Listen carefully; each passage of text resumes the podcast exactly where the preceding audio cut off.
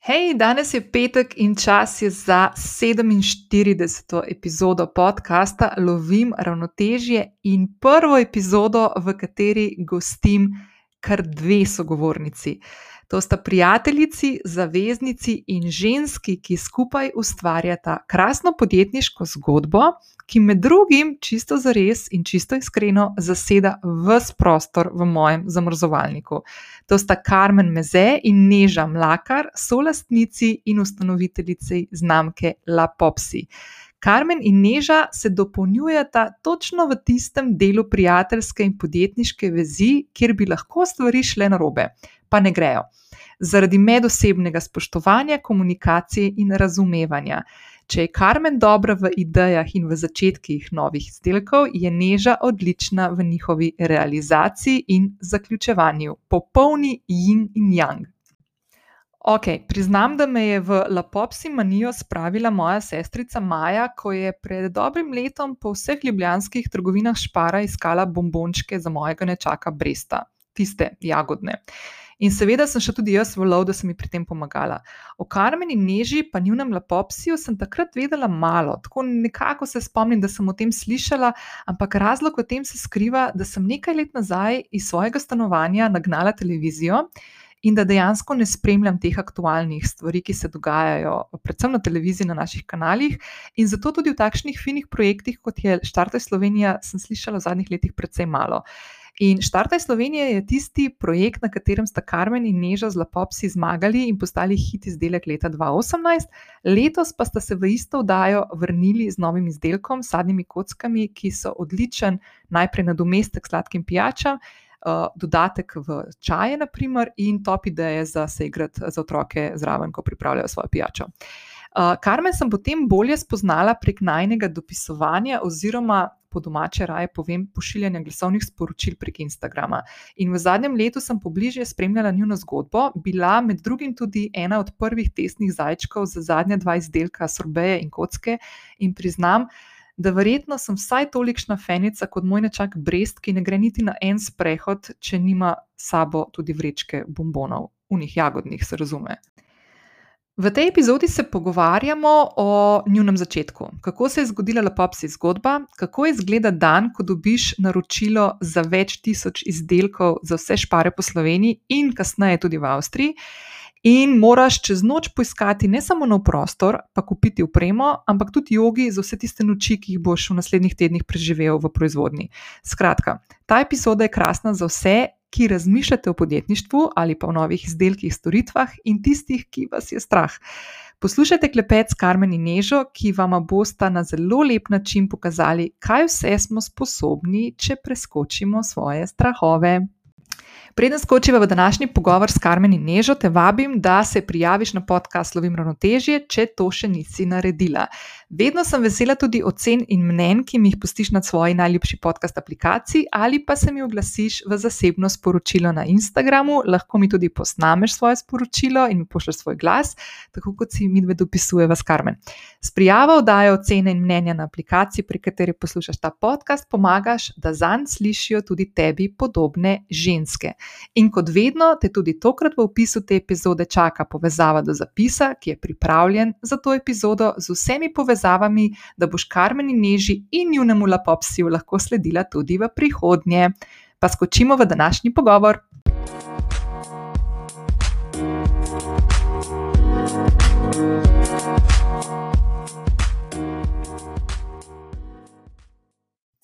Neža in Karmen, pozdravljeni. Živja. Živja.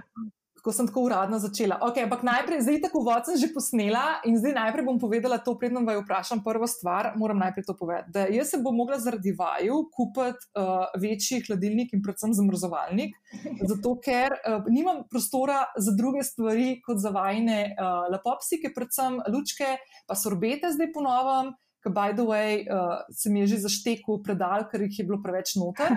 Uh, pa zdaj tudi za te nove produkte, te kockice lepe, ki jih daš v vodo ali v čaj. Sam to. Na, jaz ne vem, zdaj je tukaj na mestu upravičilo ali zahvala. Uh, Maglej, kar itak, a veš, itak sem jaz tako čist podujala, odkar mi tle čez cesto uh, tudi uh, šparane in laufam čez vsake dva dni in sem full fenica in komot lahko rečeš hvala ali poprosti, jaz je itak vse, a veš. tako bom se mojem. Cenva, ful, najlepša hvala. Čast nama je. Ja, ja lej, z veseljem in res, res, res sem full fenica. Tako da sem se full veselila tega našega pogovora in bom kar začela s tem, ker smo se pogovarjali, da bomo začele najprej s tem, da danes je prvi jesenski dan, mal prej snemamo, kot je šlo tole v eter. Uh, in malo zunaj dežuje, in me zanima, kaj se je lepega danes zgodilo, ali pa v zadnjih parih dneh, ker ste res full veseli, pa full hvaležni. Pa bom najprej neža tebe vprašala. O, v zadnjih dneh, maraj smo vprašati kar v zadnjem letu, ampak res v zadnjih dneh nam je uspel um, na šparove police zdaj postaviti nov izdelek sadne ledene kocke lapapsi.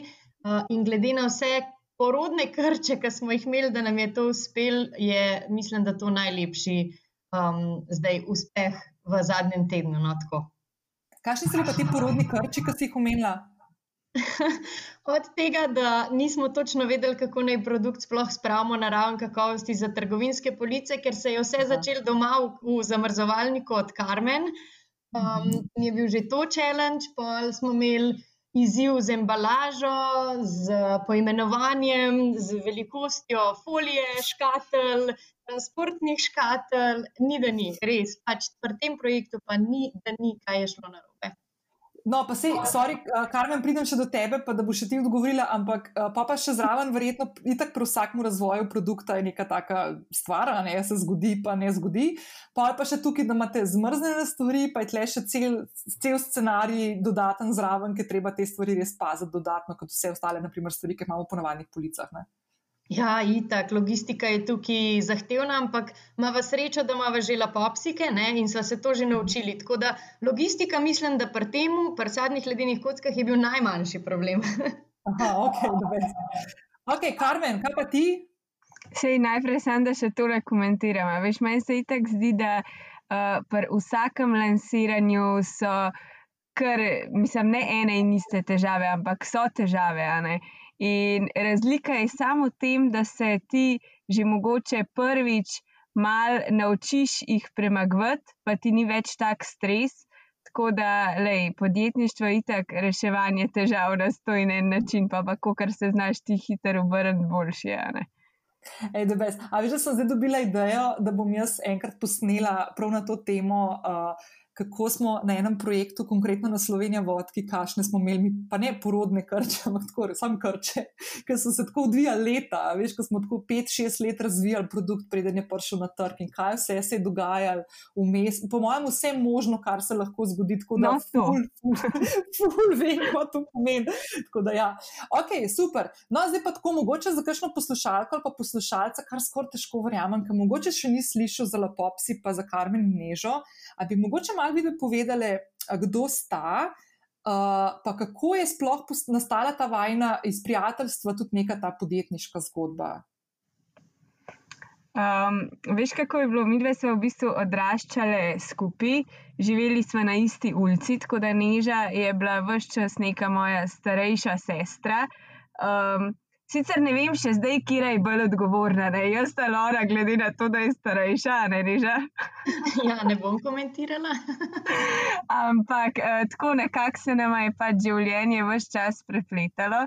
Uh, in pol sva obe istočasno dobili um, mulčke, uh, najna sinčka, in sva se odločili, da greva svojo podjetniško pot. Neža se je hotela vrniti iz Las Vegasa, jaz sem rekla, da um, bi rada nekaj sama ustvarila, ne delala za nekoga, ampak pač pisala svojo zgodbo. Um, in najprej sem mislila, da bomo imeli slaščičarno, ker sem jaz naredila uh, tečaj visokega slaščičarstva francoskega in mi je bilo nekako. Um, pač, da bi pekla torte, niža bi pa vse ostalo vodila. Ampak sva videli, da to ne bi bilo najboljš, tako da pa sva čisto slučajno našli drugo rešitev in to so bile papsike. Čak, sem sorry, sorry, Karmen, zdaj eno stvar. Kakšno sla, francosko slaščičarstvo si naštudirala? Ja, veš kaj, jaz sem imela, jaz sem imela uno obdobje po srednji šoli. Jaz sem hotela najprej študirati medicino, ker sem končala uh, srednjo šolo za zobotehnika.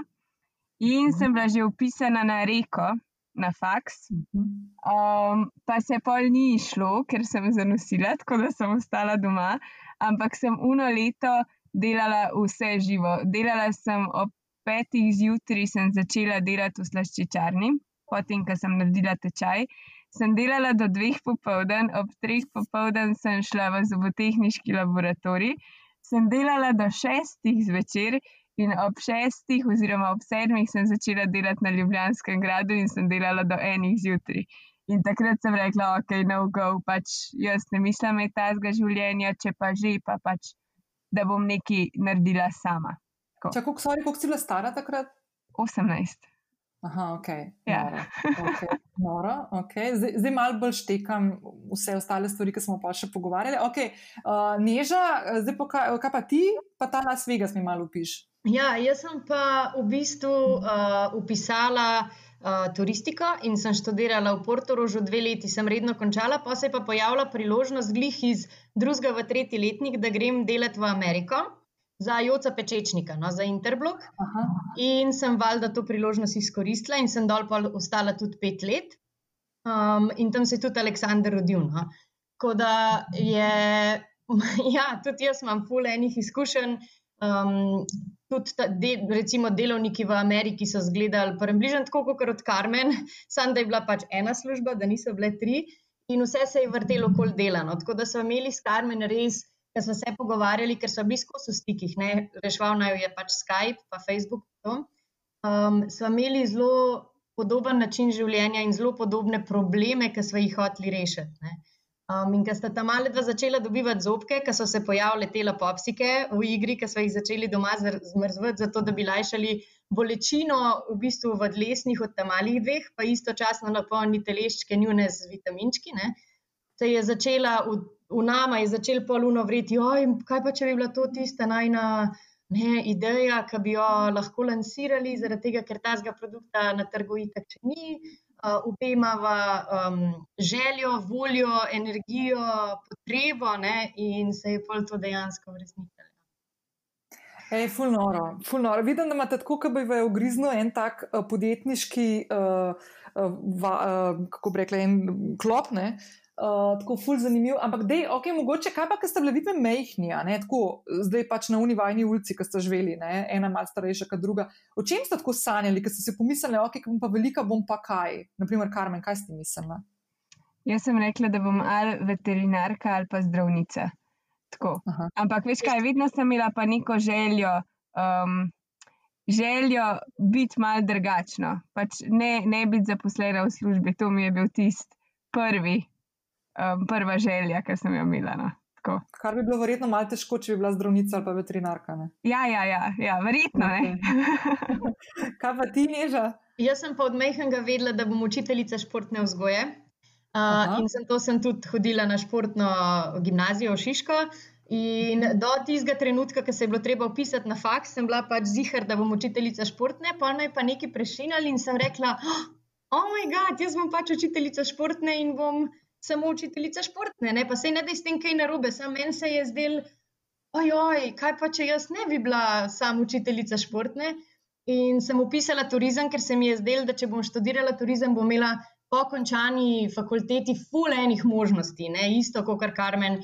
Um, da bi bilo pač malo drugače, da bi imela možnost izbire, da ne bi bilo delo skozi isto, da bi bilo dinamično in tako. In sem se un dan, ko smo oddajali uh, prijavnice za faks, premislila. No? Ej, ful dobro. Kaj sem, kaj sem zdaj ugotovila? Da sem uh, vmes, ko sem prej govorila o tem, kako je moj zmrzovalnik ful mehen, pozabila, da ima ta vidve še en produkt, ki ga jaz sicer ne uporabljam, ga pa zelo rada ukradem in to so še bombončki, no, sam tok. In to moram povedati, da pa to pa je za mojega nečaka, ker on je pa obseden in on gre na sprehod, če mu daš bombonček, ta je sploh jagodo, uh, sam to ga moš podkupovati, no, da pač hod naprej. Včasih ga prime tako en bak in pač on pol kar noče in se dere in pač mu je treba dati bombon. No, Pri najnih je isto. Ej, ko imate vidne velike otroke, zdaj koliko so stari? Uh, Aleksandr, moj je pet let, pa Lijan od Karmen isto, Oskar je pa pet mesecev. Uh, Oskar je od Karmen. Karmen. Ja. Ja, ja. Oskar je lahko tudi malo spoznate na storijih, prla popsi. Ja.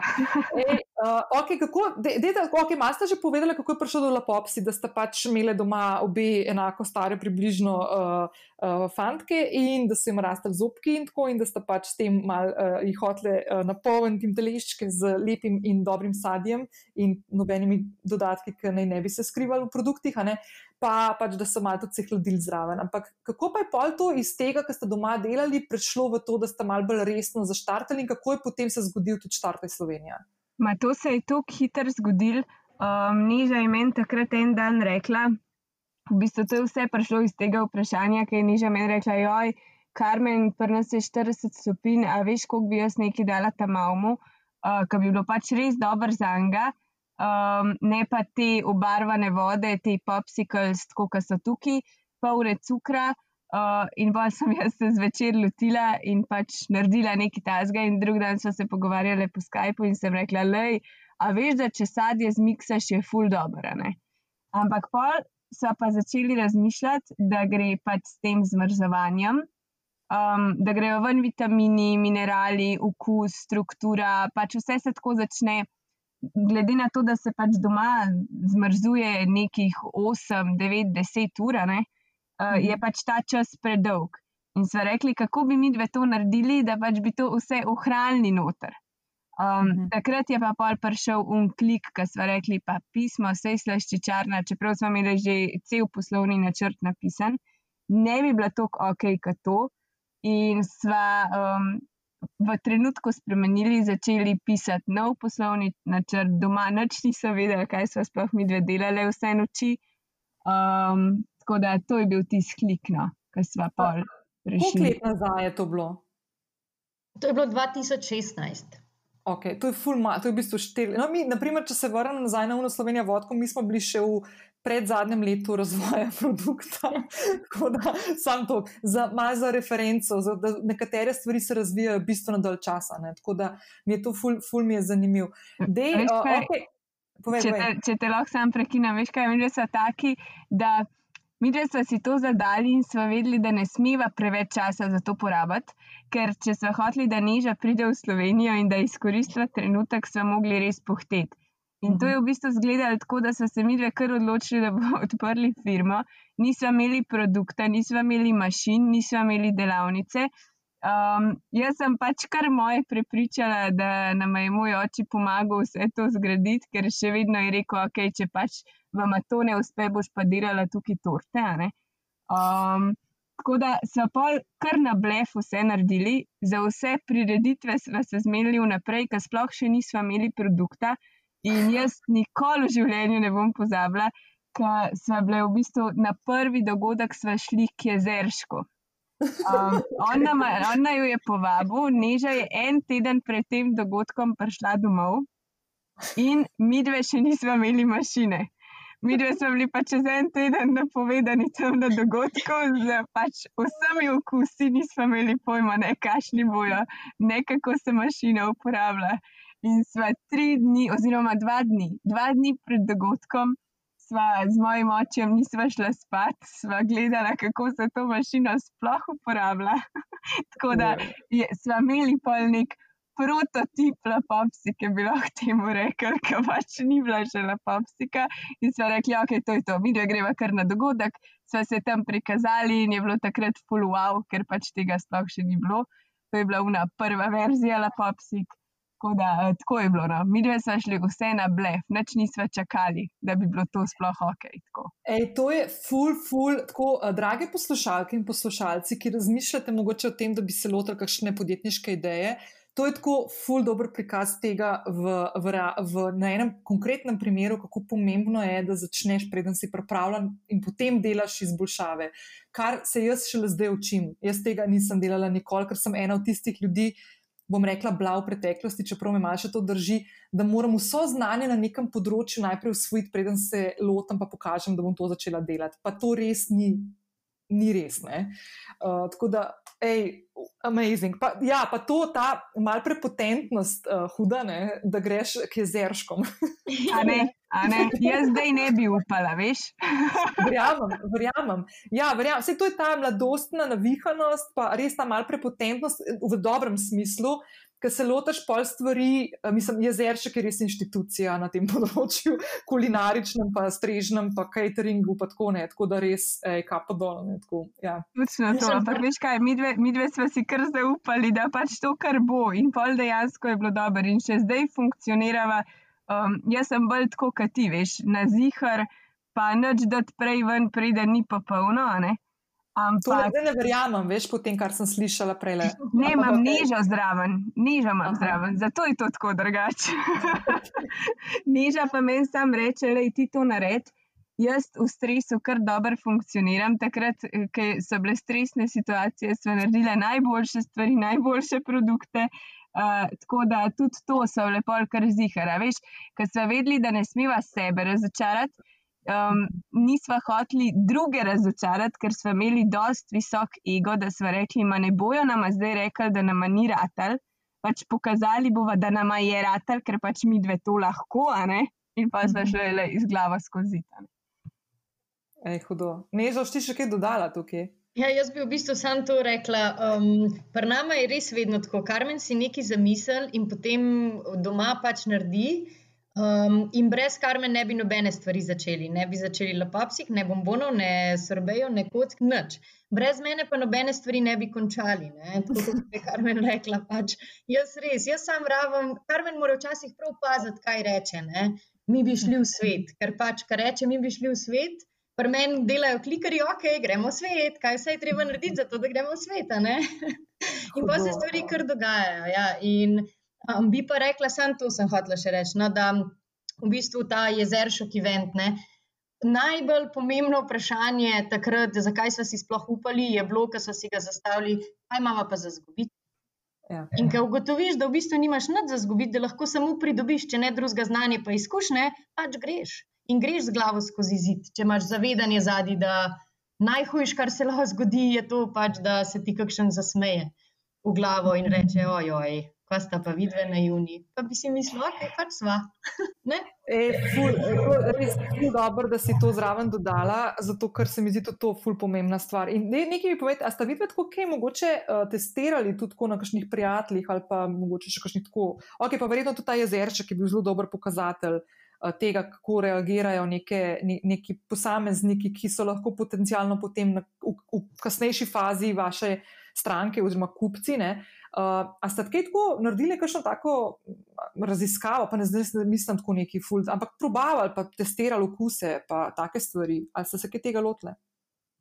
Ja, smo, smo, smo naredili tudi ocenjevalne liste in smo prosili pač najno družino in prijatelje, bodite brutalno iskreni, če je za nič, napišite za nič, če je dobro, napišite, da je dobro.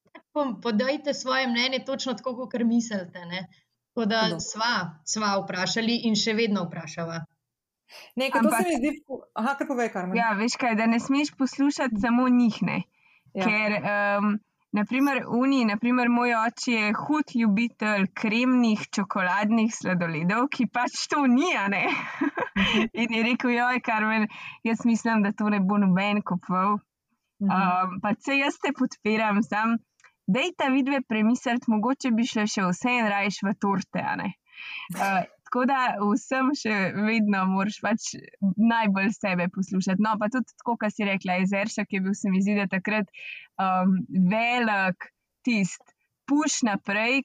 Nama, ker pač, če ti um, jezerški rečejo, da je to ok, pač se mi zdi, da si dobil kar eno veliko potrditev. Ja, ful dobro. Mislim, tle se meni tako zdaj ful enih stvari prepeljala, ampak ena je ta, da ima ta vidve tako eno res enormno veliko strast uh, do, do pa in podjetništva in tega konc koncev produkta, ki je v bistvu zelo organsko nastal, pa tudi vsi naslednji. Uh, potem druga stvar, da sta uh, videla, da je pač neka potreba, se pravi, najprej prvama in potem, seveda, če ne drugega, pri vseh ostalih mamicah, ki imajo doma dojenčke in širše. Ne? In, drug, in tretja stvar je, da ste pač tudi testirali. Tako da, mislim, kaj enkrat prideš do tega, že strast, ki jo imaš, je full velik, ne pa pol, ok, da ne govorim o tem, da ste izpili formulo. Ej, kar veš, kaj sem te hotela vprašati, prej, ki si govorila, da si doma začela mešati. Ne? A se uh -huh. spomniš, kje je bilo prvo sadje, ki si ga probavala? Ja, veš, kaj je bilo jogurt, bravnica. Takrat je bilo to tako, wow, ok, pa še fulje lepo zgledali tudi v domačem zmrzovalniku.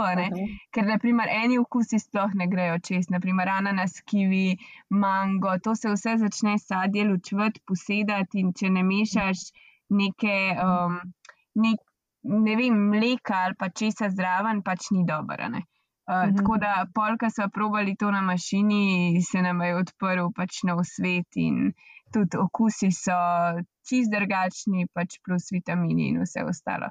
Drugač pa, če se sam mal navežem na to, kar si rekla, pri vseh stvarih, ki so jih do zdaj dali ven, so izhajali pač dejansko iz naju in iz najnih potreb. Um, tako pri bombonih, ki je bila pač težava, ker sta ta mala dva jedla full bombonov, unih gumijastih naenkrat in so rekli, ok, kako bi lahko to nadomestili.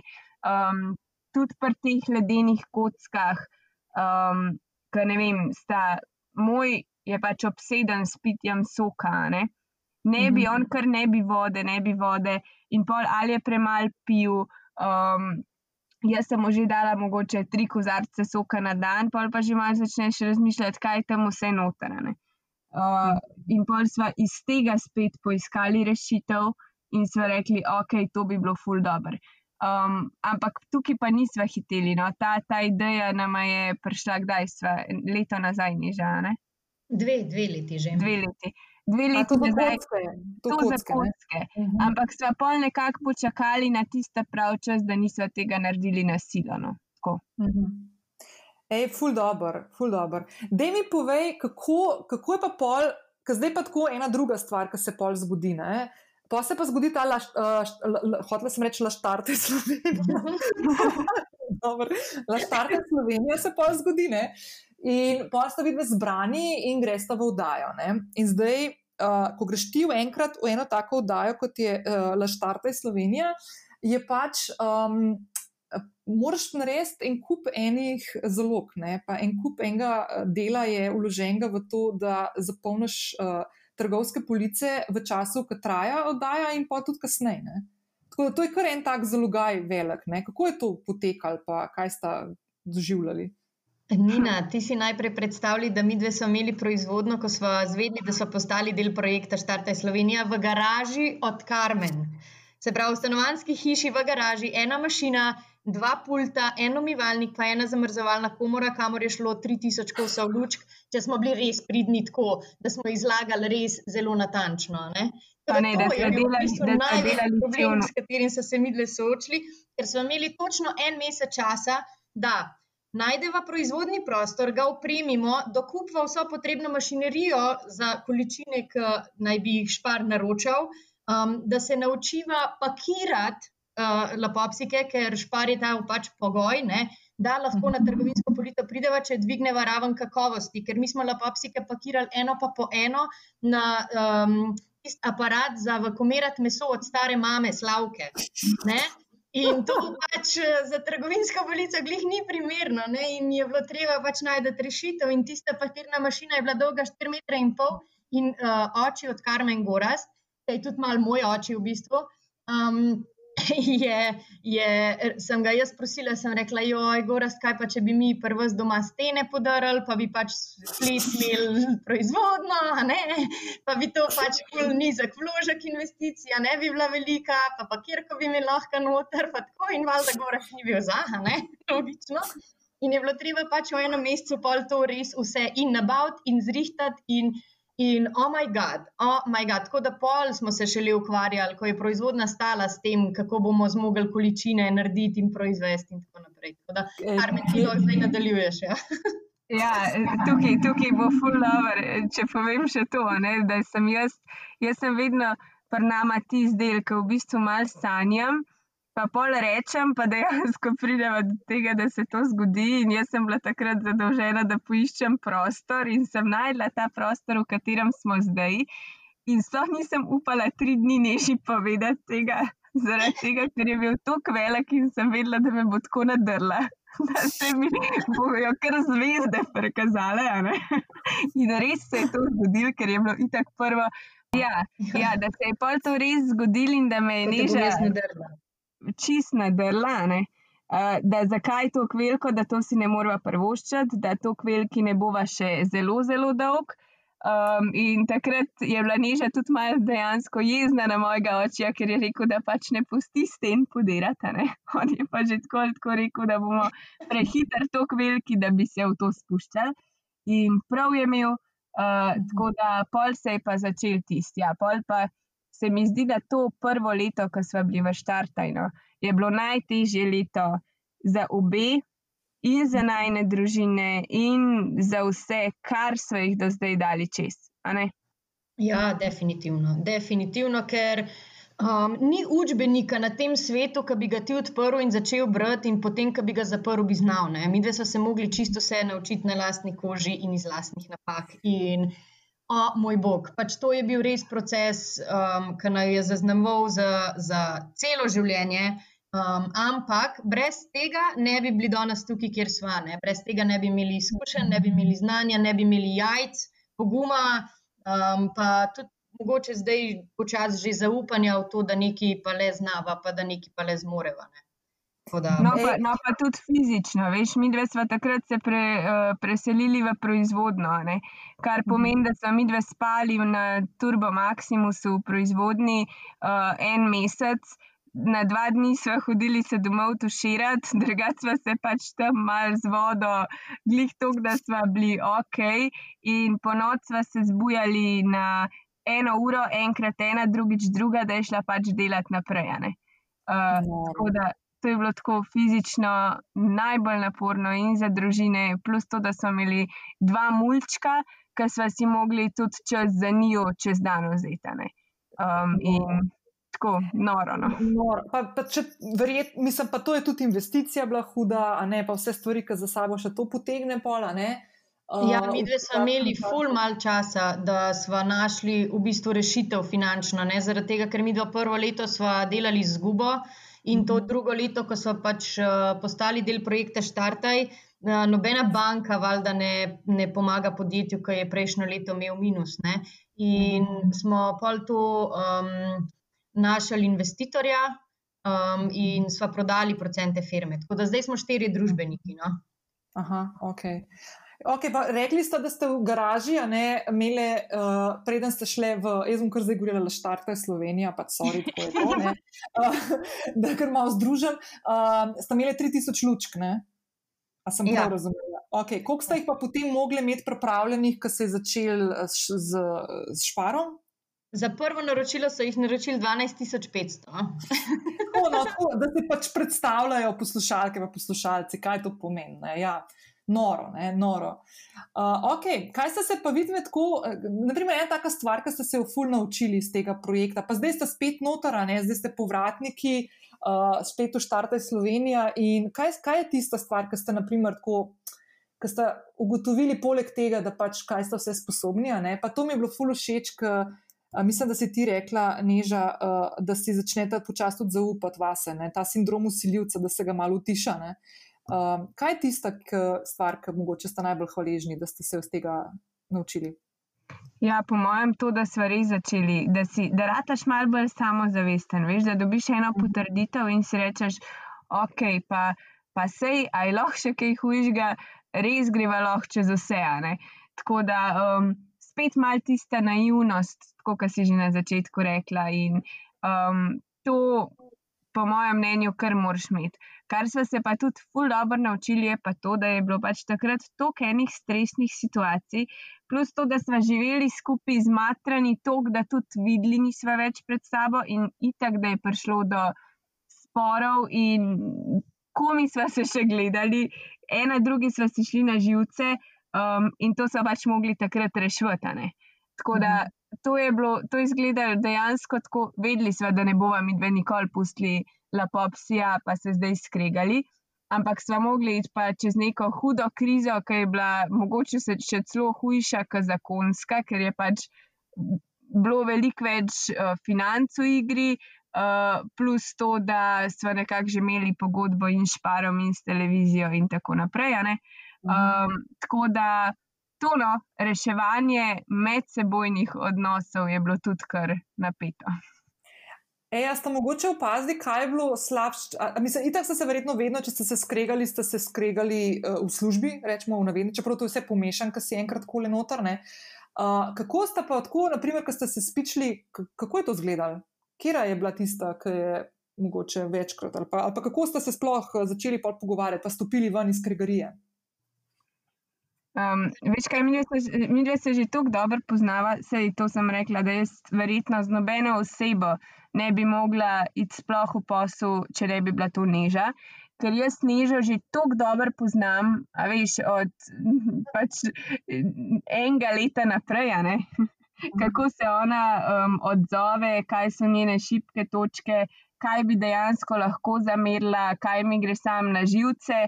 Uh, tako da to naj je pol rešvalno um, da se tako dobro poznava, da ima tako trde temelje in da se ti niso zrušili. Tono.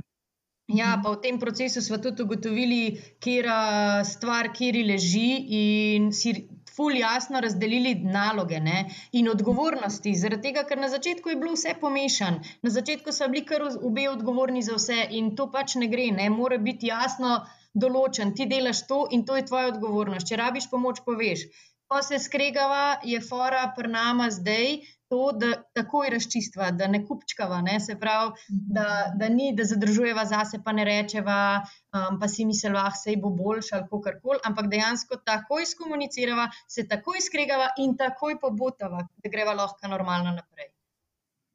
Ej, to je zelo pomembno. Ja. Plus, to mi je ful všeč, ker se vidi, res ful dopolnjuje. Že to, kar si ti prej, Karmen, omenila, da si ti tista, ki imaš ful ideje, pa začneš. Ne? uh, neža ti si pa unak, pa sfinalizira, pa da dejansko se stvari realizirajo. Če imaš ti, imaš lahko en kup enih idej, ki so super, ampak ne štejejo noč, če se ne realizirajo. Ne? Tako da se tle ful. Ful dobro dopolnjujeta in mi je to res, mi zdi tako ful. Pa to, da se postavi meje, ne? točno to, kaj nekdo dela, kaj nekdo ne dela, ne?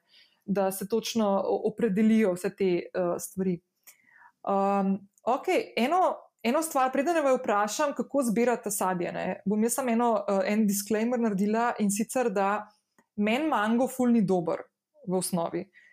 In edini način, kako jaz mango lahko jem, je, da ga jem v, kot sladoled. In to, da jaz pojem eno, ali pa rekord je bil pet, uh, lepopsik uh, mangota, uh, no, kaj zdaj še sorbet mm, je to meni čist nepredstavljivo, ker mi ta sadež nikoli ni potegnil. In mi je res fulnoro, da sploh ne morem razumeti, kako se je to mo moglo zgoditi. Sem dobesedno odvisna od tega, tako da vsaka čas.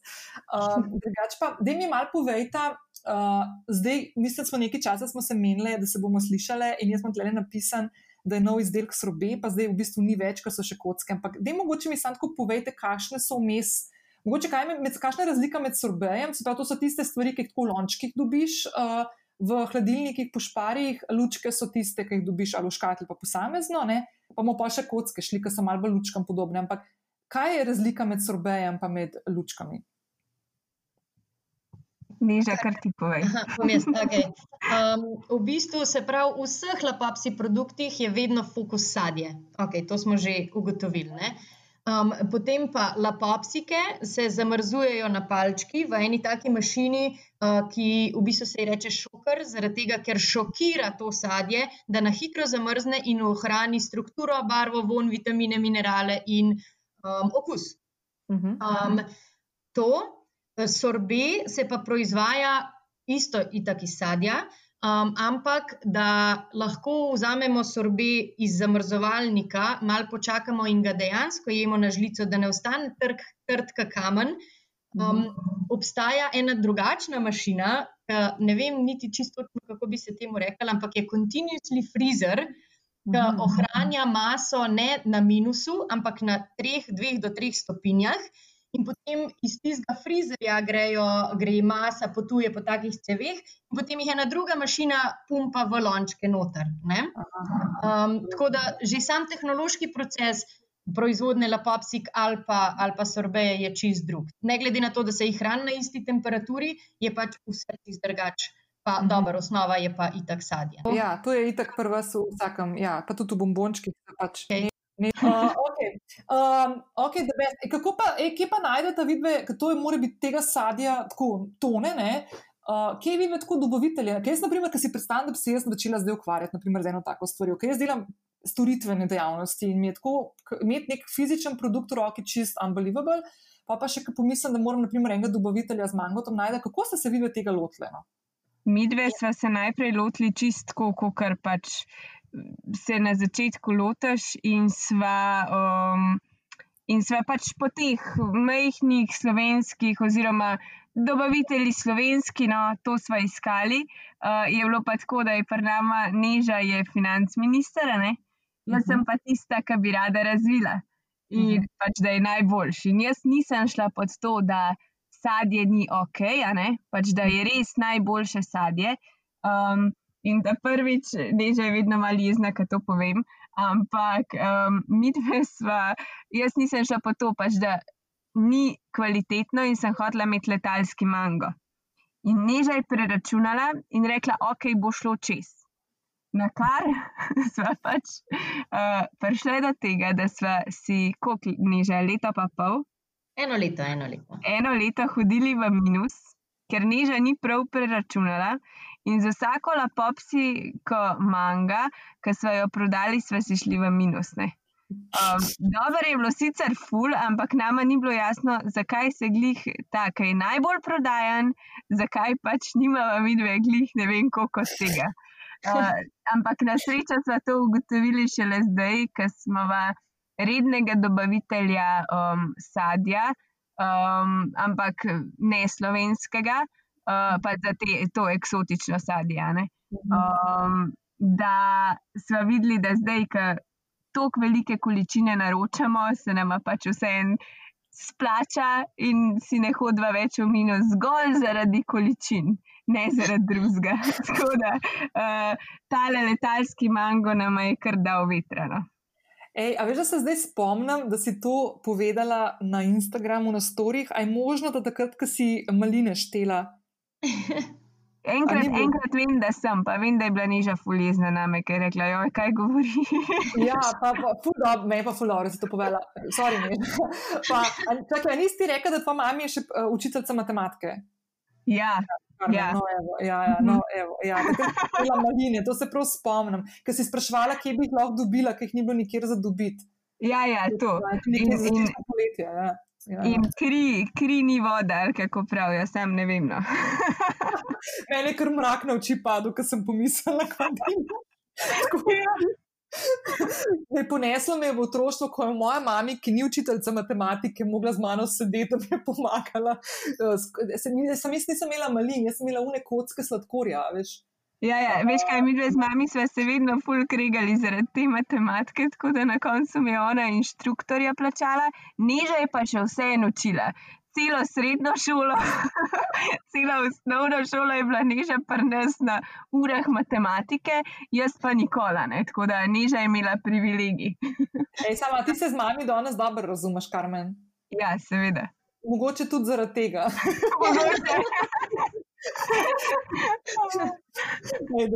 Ej, zdaj smo malo dotaknili smo se tega, ker jaz sem, jaz sem v bistvu vaju, um, jaz sem na vaju naletela uh, zaradi uh, Instagrama. Jaz doma namreč nimam televizije, tako da jaz se fully upravičujem, drage poslušalke, poslušalci, če ste.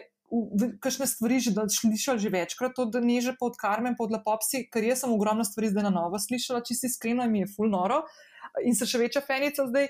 Ampak uh, v bistvu vidim, fully uporabljate tudi družabna omrežja. Pa me samo zanima, tako, kako ste se tega lotili, pa kakšen imate vid tako pristop. Tako fully razmišljate, imate uredniške koledarčke, pa to, ali greste tako mal po navdihu tudi. To je tako nastalo, da mi dve uh, z Nežo točno takrat smo si pač razdelili naloge in Neža je uh, totalno anti-social medija človek in pač to ja. res ne gre, a ne neža. Res.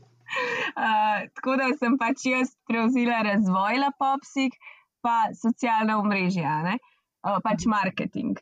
In Neža ni bila glih najbolj srečna, ker sem jaz začela težiti in včasih je to izgledalo tako, da sva ure in ure in neža je bila živčna, nisva imeli še posnet, to, kar sem jaz hotla, da bi imeli posnet. Ker meni se pa še vedno zdi, da so pa socialna omrežja ful pomembna, ker imaš ti dejansko prvi stik s kupcem. In tako bazo, ki smo si mi dve nabrali, pač dejansko ljubiteljev lapopsi, um, ki dihajo z nama, živijo z nama, um, nam dajo na svete. Lej, pač sploh ne vem, kako nam je točno to ratal, ampak jaz ne morem verjetno, kaj se zdaj trenutno dogaja. Um, ampak ja, zgleda, zdaj izgleda pač čist drugače na začetku. No. Jaz moram kar nižo, rabim, uh, da se kaj posname, jim moram povedati, kaj želim, pa se polona posname. Sicer so izjeme, ampak večinoma zgleda to tako. Drugač sem pa pol rekla, da jaz neže ne bom sila tisto, kar ona noče, pa bom jaz prevzela. Um, ampak, lej, ta socialna omrežja, jaz rečem, da so trenutni dar um, tega stoletja, ker resno, tam se jaz vsak dan slišim s kupci, um, ki ti napišejo pohvalo, se verjetno sama veš, um, koliko ti da to ene energije kako lažje greš naprej. In lej, to je to. Ej, prej si v bistvu si to, veš, kaj si rekla. Ne vem, kdaj se je to zgodilo, da, da smo tako skupnost naredili. Mislim, če si iskreno, danes smo že ful o tem govorili in po mojem je ključni razlog oziroma vir, kje se to skriva v tem, kar ste na začetku govorili, to vajno strast, odkje je to prišlo, ker se res čuti, da je to ful vajna zgodba. Uh, a veš, ko ful sta vidve, vidve noter, ok, mogoče Karmen, ti si res malo bolj prisotna po družbi, ampak meni, men, na primer, ne zgleda, da bi bila ti ful prevladojoča, no, če si iskreno. No, to je um, moj namen, hvala. Ja, ja, res ne. No. Mislim, je, mogoče si malo ve, ampak ne pa, da zdaj pa neže ne bilo, ne, uh, nekje zavideti. Uh, Kršni, če imate, drage poslušalke, poslušalci, uh, če imate kakšen uh, TikTok, pa to lahko se še tja pogledati, ker tudi tam sta uh, ne, aktivni. Uh, Uh, to moram jaz tudi malo pogledati, kako se to dogaja in pridem kaj v šolo. Ampak uh, ne, ful mi je to dobro in lej, to se čuti. A veš, obraz podjetja ali pa ene blagovne znamke je ful pomembno, da je tak prepoznaven, pa da ima iskrce v očeh in to vidi mata, tako da to je to. A veš, kaj mogoče bo še to, če bo kdo slišal, uh, da mu bo pomagal. Jaz sem vedno, nikoli nisem želela imeti usiljivega marketinga. A veš, mm -hmm pač da bi prav bilo uno, kupite, kupite, kupite, kupite, ker pač to se jaz nisem počutila. Ne? Jaz sem rekla, če, nam, če bo vam midve njim všeč, pa da se bojo oni začutili s produktom, je pač to to. In unka hoče gledati, hoče gledati, unka noče gledati, noče gledati, ampak se mi zdi, da so pa prišli na neko točko, ker sem jaz rekla, ok, mogoče pa lapopsi ne bi bili sam produkti, ampak glede na to, da smo imeli midve do zdaj um, zelo veliko mentorjev, ki so nama vsak svoje poglavje dal. In da smo zaradi tega sploh lahko tukaj, ki smo, da smo začeli, mogoče bo pa tudi kdo na najnem Instagramu se videl, se pač začutil in rekel, ok, jaz tudi lahko. Tako da, mhm. da sem pol začela še malo najno osebno zgodbo, kaj se dogaja, kako smo prišli do česa. Lej, v bistvu še malo tistega podjetniškega um, navdiha ali pridiha. Ali kako bi to rekel? Ej, to je ful dobro. Mislim, jaz že, naprimer, kot podjetnica sem vam ful hvaležna, da to delite, če si iskrena. Zato, ker se tudi že danes, ker vaju poslušam, sem se jaz veliko stvari, tako mi je ene par stvari v, v glavi se sprožil, ker mogoče se drugače ne bi. Tako da ful dobro. Um, Čakaj, eno stvar sem zdaj le hotela vprašati, pa mi je šla iz glave. Ne? Ok, bom šla pa nazaj. Dej, uh, mogoče mogoče tole, kaj, kaj je tista stvar, ki naprimer v življenju fulno vdihuje? Se po mojem smo se to že malo dotaknili. Pa kje je tista stvar, ki črpata na vdih? Ko naprimer nista v uh, proizvodni ali pa v službi v pisarni. Pri meni zihar Aleksandr. okay. on, je, on je moj največji učitelj in največja motivacija. Pet let star, ne? Ja. Super. Okay. Ja, jaz tudi rečem, ker um, najni mulčki. No ki ti zdaj je res trenutek, ki se lahko izklopi, je to po mojem sam znimano. Uh, tako da mi dve veva, zakaj delava to, kar delava. Mi dve smo šli v to, ker so rekli, mi dve nočva biti um, v nekih službah, ampak največja želja, da smo se lotili podjetništva, je bilo to, da si mi dve lahko sami kreiramo urnika. Ne? In si ga zaradi tega res lahko. Mi dve, kar se uh, le da, se potrudva, da smo nekje ob treh v vrtu, pobirava tam male in sva do osmih z njima. Um, tudi kakšen dan, pač sobote, nedelje si vzameva frej za njih, ampak pač to pa nadoknadva po noči in zvečer. In um, to je bilo najbolj tisto, kar so si želeli, no? in to mava. Tako da mulčki, lej, mulčki. Ful dobro. Uh, veš, kaj tako gostja pred vama, ajda, so se pogovarjali tudi, um, tudi to mama, pa podjetnica, pa še v službi dodatno, pa tako se mi zdi tako, da včasih, mogoče, pa dobro, res nisem mama, tako da jaz tukaj mogoče bom malo bolj tih, ampak kar jaz vidim, ne, da. Uh, kar reče tako, ženskama lahko vse. Ne? Mislim, da je to malo tako narobe povedano, ampak da v bistvu mari, ženskama lahko res vse, če si dovoli neko fleksibilnost. Ne? Ker sigurno pride dnevi, ko mogoče moraš, naprimer, kot ste imeli vidve tisti mesec, ko ste mogli spati na tleh v proizvodnji, ne, da je res šibal, kot je bilo treba, pa da ste bili pripravljeni pa sta potem kasneje te stvari nadoknadili, pa čez dan. Ne? A veš, sta prej se rajš ostale po noč malo večkrat, da sta te stvari imele, pa sta pa imele čez dan tiste dve urti časa za ta male. Ne? Tako da se mi zdi ta fleksibilnost pol pomembna. No? Ja, meni se, men se zdi, da, to, da je to največjega pomena. No? Uh. Da si lahko fleksibilen in točno tako, kot si rekla, smo mi dve naredili in še vedno to delava, čeprav je pač un mesec mem. Um, kdaj stisneš zobe, ga mogoče ne vidiš cel dan, pa si pa lahko dva dni z njim zaradi tega. A veš, tako da itak daš pol na vago, ampak um, najno največje vodilo pač so najni fantki in to je tole. Ampak se veš, kako je.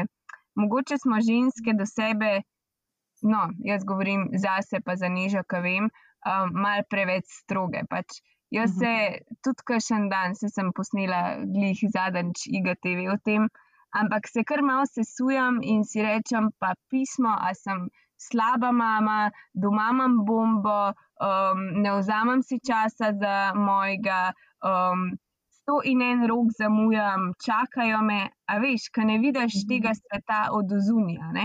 Um, tako da, ampak to je samo tisti trenutek. Pač ne smemo biti tok, tok, tok um, kritične do sebe. In, lej, meni se zdi, da je najbolj važno, da smo z otroci, da preživimo un kvaliteten čas z njimi in to je to. Mhm. Ja, pa meni recimo je bilo najtežje, sploh v tistem obdobju, ki je bilo res, ki smo spali v proizvodnji in to, um, očitki drugih. Se mi zdi, mhm. da takrat je bilo to za me res najtežje poslušati od drugih, kako vidijo, ne, kako meni, kako bi mogla to in to in to po nekih standardih, ki so, so, jih, ki so si jih oni zamislili za me. Um, in da sem se tega rešila, uh, in da sem blokirala no, te negativizme, vse je bil kar challenge. No, to sem te hotela zdaj nežno vprašati, če mogoče si uh, tukaj upazila pri sebi kakšno spremembo, da mogoče te stvari ne dojemaš več tako ali pa ne, niti ne pustiš, da, tudi če jih slišiš, da jih drugače vzameš ali pa preslišiš. Ne? Ja, tako je. Ja. Ja. Ja, se to je le. Ja. Se to so kar, kar umetnost pride do tega, kar mi, kot si ti rekla, ženske znamo biti res, tako, res, res do sebe. Mislim, samo mazohistke take, da bi si lahko vse dale, kakšne nagrade za posebne dosežke. Ne. Tako da. Ja, ja. In je, prav, in je ful pomemben, veš, res je ful pomemben se zavedati, kako je treba biti prijazen do sebe. Pa se lahko ful sliši tako ezoterično, pa malo tako džingi džingi, ampak ful je pomemben. To so tako enostavne stvari. Veš, tako da pomisliš, a bi ti, na primer, to, kar se rečeš, rekla neži, kot tvoja ful dobra prijateljica in obratno. Ne? Najvrš ne. ne. Nikoli, nikoli. Ja, nikoli, točno to. No, točno pol, a veš, kaj že tako pomisliš, da bi to nekomu, ki mi nekaj pomeni, ki ga imam rada, da bi to nekomu rekla, ki ta zga, pol, pa se prečeš, rečeš, ok, pa, pa tudi sep ne bom rekla, sploh sep ne bom tega rekla. Ne? Ja, veš kaj, veš, kaj je najbolj smešen, ker se zdaj vprašam, pa pismo, od, od česa sem jaz tako zmatrana. A veš, kaj se mi v življenju tako hudega dogaja, da sem jaz lahko kar zmatrana pač noč mi ni hudega, super sem, zdrava sem, ampak počutim se pa kot cuna. A veš, in kapol na koncu pomisliš, pa pismo delam, um, dva otroka imam, uh, trudim se, da je vse uh, pač kokar to koredu, kako pa človek ne bi bil zmatran. In v enem trenutku sem jaz že ful velikrat postala malo tako jezna na svoj telo, veš, kao, joj, pa zakaj ne morem še to, zakaj ne morem še to, a zdaj bom pa kar zbolela zaradi tega, jaz ne morem ta teden zboleti. Um, in ko sem se naučila, da naprimer, moj telo funkcionira tako, da zboli, naprimer, kaj je totalno preveč. Um, Ker sem, se sem se to zavedala in sem rekla, ok, ne smem se toliko preterati, da lahko sploh zguram, je bilo čist drugačna zgodba. Sej pa nižje je bilo dokaj isto, ne niže. Ja, itak, absolutno. Ko ugotoviš, da si ti samo en in da tudi tebi zmanjka benzina, mhm. je ne, treba pač se ustaviti, benzin dotočiti in iti naprej. Brez benzina pač noben avto ne bo vozil, kako koli. Ej, to je ful res. Pa veš kaj, lej, naprimer, Karmen, to, kar si ti zdaj govorila, ne? a veš, mogoče jaz, kaj jaz zdaj opažam v zadnjem letu, ker sem tudi jaz, na primer, ful naredila spremembo pri sebi, pa pri stvarih, ki jih jaz počnem. Um, ker sem začela delati tiste stvari, do katerih imam res neko strast, ki sem jo odkrila. Um, in, naprimer, jaz se zdaj ful težko ustavim, da ne delam preveč. In to jaz, ki sem zadnjih nekaj let res delala na svojih, če sem zelo iskrena, na svojih 65% zmogljivosti. Ne? Nisem preterala, zato ker sem rekla, jaz si želim čas vzeti zase, jaz si želim vzeti nek prostor za svoj in osebni razvoj, za mentalno zdravje, za ugotavljanje, kaj hudiča si v življenju želim in česa ne, ker sem me skozi malo glodal tisto, da to, kar počnem, nima nekega smisla več. In ti povem po pravici, da jaz sem v življenju nisem bila tako utrujena, kot takrat, ko sem delala sicer kar velik, ampak nisem, ni bilo nobenega smisla. Jaz sem takrat doživela največji kolaps v življenju, ker se nisem našla v tistem.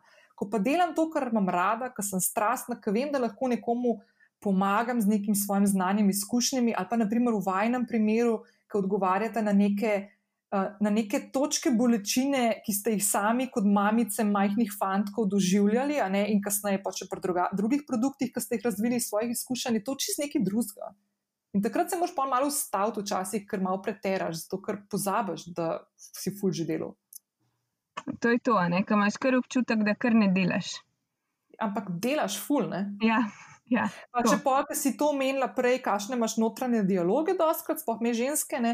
veš, koliko je tlene energije. Tako ful. Tukaj, to, to ti toliko energije pobere, da ja, jaz moram se to še malo naučiti. No. Um, potla, ne potlačati, no, sprejeti tako. Uh, niža, po mojem, to malo bolj obvlada, kaj jaz. V bistvu niža, sploh, niža sploh ne vem, da niža, imaš ti notranje dialoge. Imam, Karmen. Niža, veš kaj, mi dve, mi dve se razlikujemo v tem, da niža je tako, meni deluje kdaj kot en robot. Njej daš in ona kar deluje, razumeš? Jaz bi, jaz bi se že dvakrat verjetno vmes sesula, ona pa še kar naprej, naprej, naprej. Tako da tak tempo, ki ga manjša, le jaz malo ljudi poznam in jaz vem, da um, se mu ne približam. tako, uh, ampak ona tako funkcionira. Mene pa velikrat no, te notranji dialogi pol mal um, upočasnijo. Ej, ampak neža, sorry, zdaj bom eno stvar umenila, še ko se mi zdi glih prav na tem mestu. Ne, da sem jaz letošnje poletje čisto slučajno naletela na te, a ne še na eni drugi podjetniški zgodbi. Pa ja. sem rekla, čak, kva? Čak, neža, ne, ne, kako neža od lepopsik še nekaj. Dej, a mi lahko še to zdaj furo razložiš, no, ker takrat nismo imeli časa. Ah, pa se ni fura. V bistvu je um, moj oči že zadnjih 20 let kuha. In kuha s takim užitkom za druge, da ga je kar težko bilo gledati, kako pač kuha za druge. In sem si želela, da bi mogoče tudi on nekoč imel nekaj svojega in delal zase po 16 ur na dan in užival v tem, ki prikaže na smeh na ustih ljudi, ki obožujejo gurmansko hrano. Ne? In se je pokazala priložnost um, in sem jo izkoristila. In sem v bistvu njemu pomagala, da je tudi on začel živeti svoje sanje. Ful dobro. No, in da povem, da sem jaz na to zgodbo naletela v sklopu uh, okvira pomoči od NLB-ja in sem lahko malo se kaj čak malo niža, to mi je pa znano, ampak da best, ful dobro. Ful, ful dobro. Ok, da mi povejta, um, Kaj pa kakšen poraz? Okay, a, a, če bi rekla, kje je vajen tako naj, poraz, iz katerega ste se največ naučili, je to mogoče un letalski mango? Tudi, tudi letalski mango. Uh, potem, recimo, lihka smo se prej pogovarjali v tej preobremenjenosti. Ne? Jaz sem letos, pa sem že v preteklosti delala glupe napake, pa sem mislila, osu gre enkrat na let. Um, no, niža gre, zgleda, neomejeno število poskusov, da bo pač ne, pa osu pač drsal. In letos sem ponavljala iste napake kot iz leta 2017, ker sem imela preveč stvari in sem se. No, in je to za me oseben res, res velik poraz. Kot je recimo, naročila sem prekratko folijo za pakirati ledene kocke. Ne. To je dobro. Drugič, drugič. Ne, Ja, tretjič. drugič. Tretjič. Tretjič, ja, tretjič. Ja. sorry. No, in in to, to recimo je za me ful prazno. Potem prvič se nam je zgodilo, da zato, ker sem imela toliko stvari, mi je všla ena najava robe v skladišče, da bi se jo dostavili v špar in smo na mestu petek dostavili v ponedeljek in je bilo to za me. O, da sem se zjokala, ker je en majhen otrok, ker pač ne, ker, da bi, ne vem, dobila enko pri fiziki. Sem se počutila res grozen. Um, in ja, ful v bistvu je takih manjših porazov, prav enega velikega, pa mislim, da še nismo doživeli. No, moram potrkati. No, Karmen, zdaj vidiš, kar si prej rekla, robotek, ne, a vidiš?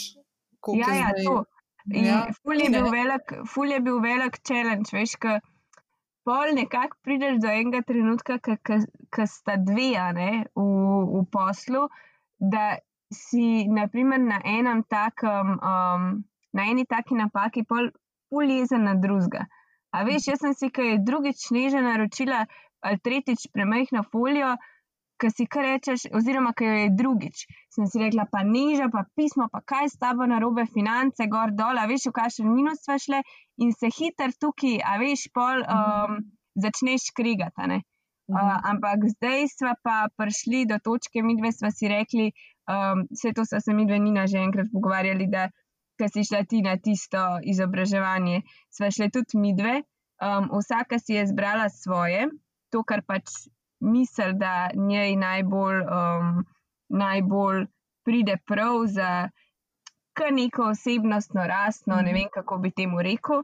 In sva tako zrastli, da sva se res naučili sprejemati napake, in zdaj več um, ne sikava pol eni drugi, a veš, ampak rečeš, ok, se bo ona mogla to napako rešiti. Če jo pa slučajno ne boš mogla, pa povej, pa da ti pomagam. In to je bil tako en full velik, da smo se naučili sprejemati napake druga druge. No. Se to je ful smešen, ker se tako sliši ful enostavno, ja, itak, itak, ne, ampak ni, ne, pot do tja je pa. Je treba, ker, pa sploh pri vama, ki se res dolgo časa poznate, tle lahko pride to malo kontra, ker imate vzorce že toliko izpostavljene tega obnašanja med vama, ne, da je to treba res tako se sistematično lotiti. Ne. Ja, Ful je bilo težko, a ne niže. Ja, ful težko, sploh zato, ker imamo mi dve vžigalne vrvice, ena pa drugi skoraj nične. ne. ker kar te jezi, te itak razjezi zelo, zelo, zelo hiter. Um, še odprej, če preden je Lapopsi bil sploh v igri. Tako da to sva delali na tem, vsaka presepne, sej ne skupaj. Um, in kar sem jaz ugotovila na koncu, in uh, kar se zdaj učim in poskušam ponotraniti, je to, da jaz, moje vedenje in moje besede ne morejo vplivati na to, da bi se kdo drug drugače obnašal, kot si sam želi. Ne? Se pravi, jaz vse, kar lahko naredim, je, da komuniciram jasno in izhajam vedno iz sebe in sem iskrena, spoštljiva, in pol, kaj bo pač drugi s temi informacijami naredil, je njegova stvar. Ne? da- Ja. Mene recimo to ful rešuje. V vseh odnosih, ne samo s Karmen ali pa z dobavitelji ali pa s poslovnimi partnerji, ampak res v vseh odnosih. Mhm. To so ful pomembna spoznanja, tako življenjska, dobesedno, ne samo poslovna. Ja. Pa veš, kje je bilo še mogoče tako, da smo se mi dve naučili, da se pač na nobenega nič ne zanašava in od nobenega nič ne pričakujeva. A veš, da pol ni v bistvu teh razočaranj, niti ena od druge. Um, da to, kar pač dobiš, oziroma kar se naredi, si lahko za to sam hvaležen um, in rečeš, o, ful, dobro, ne. Um, ne pa da obtožuješ neki, zakaj to ni, zakaj to tako, zakaj. In ena pri drugi, in pri vseh življenjskih stvarih. No. um, da si ne pustiš, da te nekaj razočara. Mhm. Ej, ful dobro si to. Jaz bom, jaz bom v, um, v show notes, v zapis te epizode, bom dodala eno knjigo, ki sem se zdaj spomnila, Karmen, ki sem te poslušala, uh, ker se mi zdi, da to, kar si rekla, da ne pričakuješ, ne, je eno od ful pomembnih stvari, uh, zato ker prelagaš nekako odgovornost na nekoga drugega, oziroma si razočaran, pa niti nisi doskrat komuniciral svojih pričakovanj uh, in želja nekomu drugemu, in potem si kar nekaj in se zacuklaš, zaciklaš se spet v tiste svoje. Notranje dialoge in dramo, in tako naprej. Ena knjiga, Four Agreements, uh, eden od teh spoznanj je tudi, da ne predvidevaj, predvsem ne, mhm. ne pričakuj, ali pa ja, ne pričakuj, no, ne predvidevaj, pa mislim, da so bolj prijazen do sebe, kar smo danes tudi že malo. Uh, uh, pa uh, ne obrekuj. Pa ta tretja stvar, da, bodi, da vsak dan naredi najboljše, kar lahko, kar ne pomeni, da če danes to 100%, da mora biti jutri 120, lahko da je jutri 70 ali pa 10, ampak ne bo najboljše, kot lahko v nekem trenutku, v nekem dnevu stisneš iz sebe. Tudi če je to 10% prejšnjega dneva. Ne? In se mi zdi to tako ful, take lušne tako, taka kratka knjigica. Je, no, uh, ja. Ok, evo, le čist na koncu, vas bom malo vprašala še o rutinah, pa to, če kaj imate. Oziroma, eno stvar vam bom se osebno zahvalila. Ne, zdaj bo tako res gledala, da sem v dvaju plačana, nisem. Uh, ampak veš, kaj sem bila full vesela, ker sem jaz, um, ok, tiste štiri sorbetke ste mi poslali, to bom povedala po pravici, ampak jih zdaj kupujem naprej.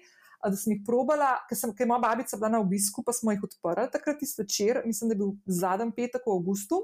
Ja, ja. In sem jaz odprla, hodila sem slikati, ful sem nasitna, tako Maja, Maja, moja sestra, ne še odpirati, moram pofotkati, ker moram tole objaviti, zato ker le, pač moram to malo tudi jaz razširiti, ker mi je ful dobro, pa ful jih imam rada, te punce pa tako. V glavnem, in Maja reče, ja, ampak dej preber, pa kaj noter piše. Ne? In jaz odprem tisto in moram reči, da sem vam ful hvaležna, da tudi vidve uh, um, vse svoje kupce, sorbeji, um, nekako učita tega, da morajo pri tem izdelku, kot si ti neža že prej omenila, ki si razlagala tehnologijo, kako se pripravljajo. Da moš malo počakati, da, mal, um, da, da, niso tako trdi, preden jih začneš uživati, ima ta fule lepo napisan, da si vzamem 15 minut časa zase. Ali pa ja. za klepet s prijateljem. In se mi zdi tako amazing. Ne? Tako da, koliko jih pojesta vidve? Jaz sem odvisna od mandarine. To je moja večerna rutina, je tale srbe mandarina in uh, ne vem, res. Jaz ne Kaj vem. Ti 15 minut delaš, ko čakaš, da se mal uh, v navednicah stopi? V bistvu, v bistvu je to verjetno edinih 15 minut, ko sedim na miru in ne delam nič. Bravo. res. Bravo. Kaj pa ti, Karmen? Do tega smo glih tako prišli, to, to smo rekli, ok, kaj bi gor napisali, da je pač treba 15 minut počakati, in pa smo rekli, ma ne vem, če bi dali to noter, če se bojo drugi najdeli v tem. Ampak pol na koncu smo spet rekli, da je poslušva sebe, to mi dve sva, um, pa če jim je všeč ali pa ne. ne.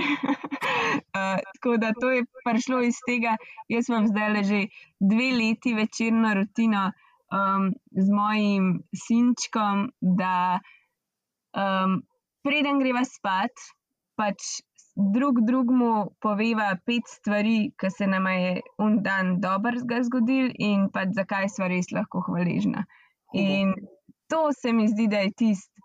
A veš, kaj si rečeš, da bi neki ful dobrega dal otroku, in tukaj se jaz pač ful dobro počutim, ker se mi zdi, da je res pomembno, no? da se zavedaš, da si hvaležen in da ni to sam tist, da se slišiš hvaležnost, ampak da pač to res misliš.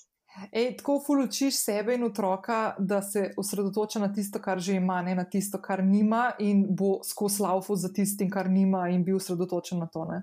No, to je to. Ja, no, ampak da mi pove, kaj pa ti uh, narediš v tistih 15 minutah, ki čakaš, da se ti sorbe malo stopi. Jaz, jaz se mi zdi, da imam tukaj um, manjšo težavo, kot niža. Ker niža se res ne ustava.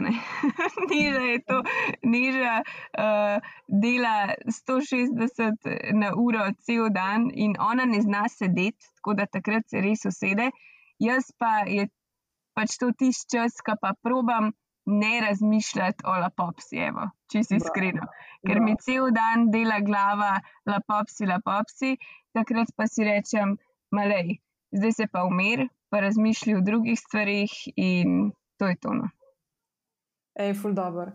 Um, Imate še kakšno tako stvar, ki okay, vsak dan, da vam polepša, verjetno kar meni to, kar si naredila, kar si reka sinčkom, pa to verjetno bo to kar štil malo tudi to. Um, ali ti nežama še ti kakšno tako stvar, ki tako ne vem, ful je moraš narediti vsak dan? Trening. Fizična aktivnost, nujno. Ja. Okay. Okay. nujno. Super. Je top, ne? Amate še kakšno knjigo, film, podcast, serijo, ki je tazga, ki ste mogoče eh, se spomnili, kakšno zadevo, da bi podelili? Uh, jaz ja. zdaj v zadnjem redu prebiram, sorry, Karmen, prebiram skozi vse o realitetni terapiji od glaserja, zato ker se potem pač izobražujem in končujem prvi letnik. Tako da jaz sem zdaj čisto upletena. A še študiraš zraven? Mislim, študiram. To je to delo na sebi, kaj Karmen prej govori. Ja, ok, ok. okay. Mislim, ja. da si šel študirati, kakšen magisterij. Mislim, da je, je, inšti, mislim, je Evropski ja. inštitut za realitetno terapijo, um, ampak je izključno delo na sebi, res. Nikoli. Ok, Karmen. Ma, jaz sem pa rekla, ker smo govorili takrat o vzornikih, da sem prišla prejšnji teden do tako hudega spoznanja, ker sem gledala na Netflixu. Um, v bistvu eno serijo o Bill Gatesu in sem Aha. ugotovila, kdo je moj vzornik. In to je mama Bill Gatesa. Ko okay. sem to gledala, sem rekla, ok, pač to je to. Kako je ona pristopila k otroku, kako se je z njim ukvarjala, kakšne spore sta imela. Um, tako da jaz bi rekla, da to bi si mogel skoraj vsak, vsaka mama, no, pa tudi podjetnik, pogledati. Um, Pa kaj sem še rekla? Čakaj, okay. še rekla sem, da bom en film, a veš, da sem ga pozabila. Prav pozabila sem ga. Ne vem. No, se, če se boš spomnila in pošla, pa bom jaz kar dodala noter, ampak vam bom jaz zdaj, ki si Netflix omenila, še dva povedala, evo pa še vsem poslušalkam. Uh, tudi na Netflixu Social Dilemma, ful pomemben film za pogled, sploh za vse, ki imate otroke, kako je fino biti kritičen do stvari, ki nas obdajajo in ustvarjajo našo realnost, družabna omrežja. Čeprav jih vsi uporabljamo, jaz sem full fan za družabnih omrežij, tako kot ti, Karmen, ki si, ne, že ne, no, tako kot ti, Karmen, ki si pregovorila, ampak je treba full vedeti, kako je to treba uporabljati, pa zakaj je mogoče biti previden. Se zavedati, da tisto, kar ti dobiš servirano, je zato, ker se že strinjaš s tem, naprimer, ne, pa mogoče kdaj pogled malo drugam. Druga stvar je pa uh, dokumentarna serija, tudi uh, uh, kako je že jo, od Zeka Efrona, Down to Earth. Je pa šest delov in je fuj. Jaz sem zdaj dva dela pogledala, Islandijo pa Sardinijo. Islandija je brutalno huda. Uh, tako res, tudi malo je hrana noter, ampak na Islandiji konkretno je, um, kako je cela Islandija v bistvu na renewable uh, energy, da noč ne delajo nobenih teh oglikovih odtisov ali kva so. Uh, tako noro, čist green country, totalno, tako full zanimiv. Uh, tako da vam bo mojem full zanimiv no, to gledati, tako da the best. Ej, Nina, ja. ti povem na eno skrivnost. No, Jaz nimam TV-ja, nimam Netflixa in tudi če bi imela, bi verjetno tišče čas, ki bi ga presedela pred TV-jem, gledala neke bedarije, neke romantične komedije ali neki. Ja, lobotomijo, valjda, se to tudi jaz imam, nekakšne real housewives ali pa Kardashian. Tudi če se možgani odklopijo.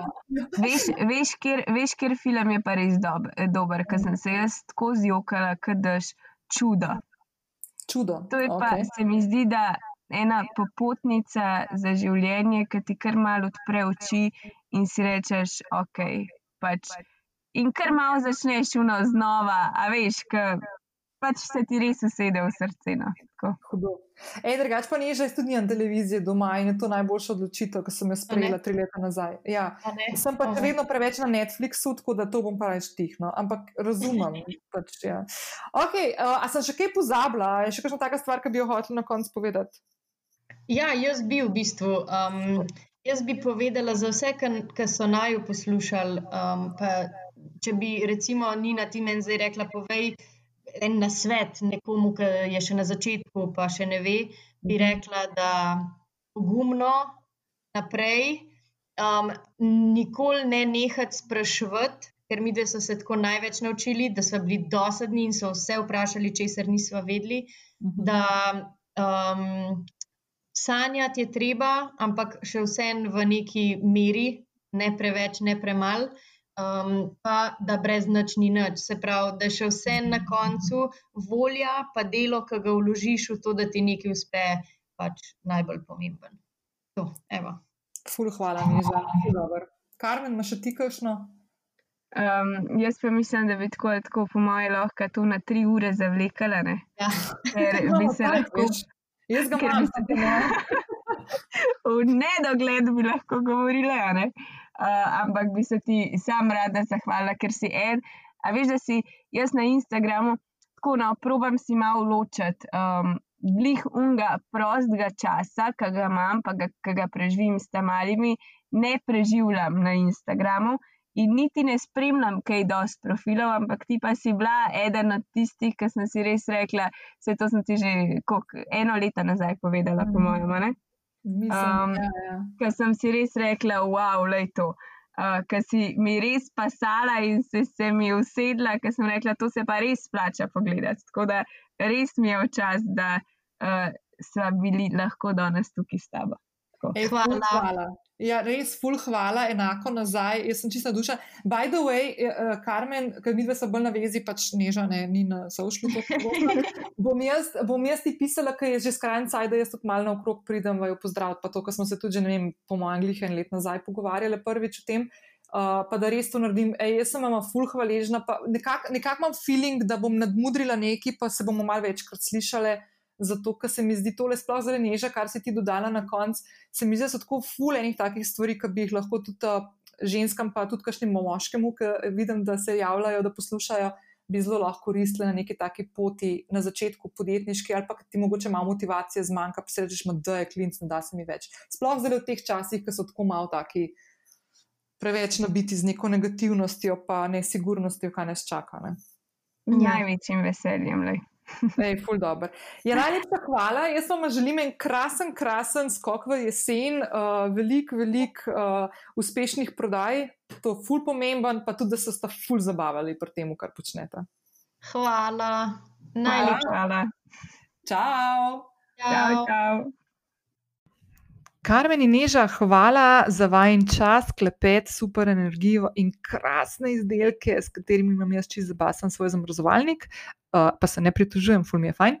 Uh, eno stvar sem hotela povedati, preden zaključim in te pozdravim in rečem, da imej lep petek in vikend. Uh, v naslednji epizodi bom govorila o mentalnem zdravju, zato ker 10.10. obeležujemo Svetovni dan mentalnega zdravja, ki ga je razglasila Svetovna zdravstvena organizacija že pred leti. In glede na to, da imam tudi jaz svojo zgodbo spopadanja uh, z težavami v preteklosti, z depresijo, izgorelostjo, anksioznostjo, sem se odločila, da bom o tem malo več spregovorila in te vabim, da če imaš kakšno vprašanje. Mi ga lahko posreduješ na Instagram zasebno sporočilo do nekje srede, prihodnji teden, uh, in bom vključila tvoje vprašanje tudi v podcast epizodo. Uh, obljubim, da bodo stvari anonimne, torej, če pošleš uh, svoje vprašanje, ne bom povedala, od koga sem ga dobila. Uh, in želim, da se v takih temah, za katere mislim, da še vedno mogoče obstaja nek tak tabu ali pa stigma okoli, pa pri mentalnem zdravju se mi zdi, da je tega vedno manj, ampak vseeno še malo obstaja. Se mi zdi pomembno, da take stvari uh, se pogovarjamo o njih, da smo iskreni, zato ker uh, ko enkrat spregovorimo o taki stvari na glas, ugotovimo, kako zelo smo si podobni in kako malo stvari imamo samo mi, s katerimi se spopadamo. Mislim, da je mentalno oziroma duševno zdravje ena od tistih tem, s katero imamo vsi veliko skupnega. Uh, Če ne prej, pa v tem letu, ko se spopadamo na individualni in na kolektivni ravni z takimi izrednimi razmerami, ki so globoko posegle tudi na področje duševnega zdravja. Uh, tako da hvala še enkrat, da si ostala do konca z menoj. Ne pozabi skočiti še na opis te epizode spodaj, ki te čaka na povezavi, da prebereš vse tiste stvari, ki smo jih s Karmen in Nežo omenile danes v pogovoru. In zdaj ti želim samo še en lep petek, pa še lepši prvi oktobrski vikend in se slišimo prihodnji teden v prvi samostojni solo epizodi v dolgem času. Zato te vabim zraven, da se mi pridružiš s kakšnim vprašanjem. Hvala, lepo se mej in adijo!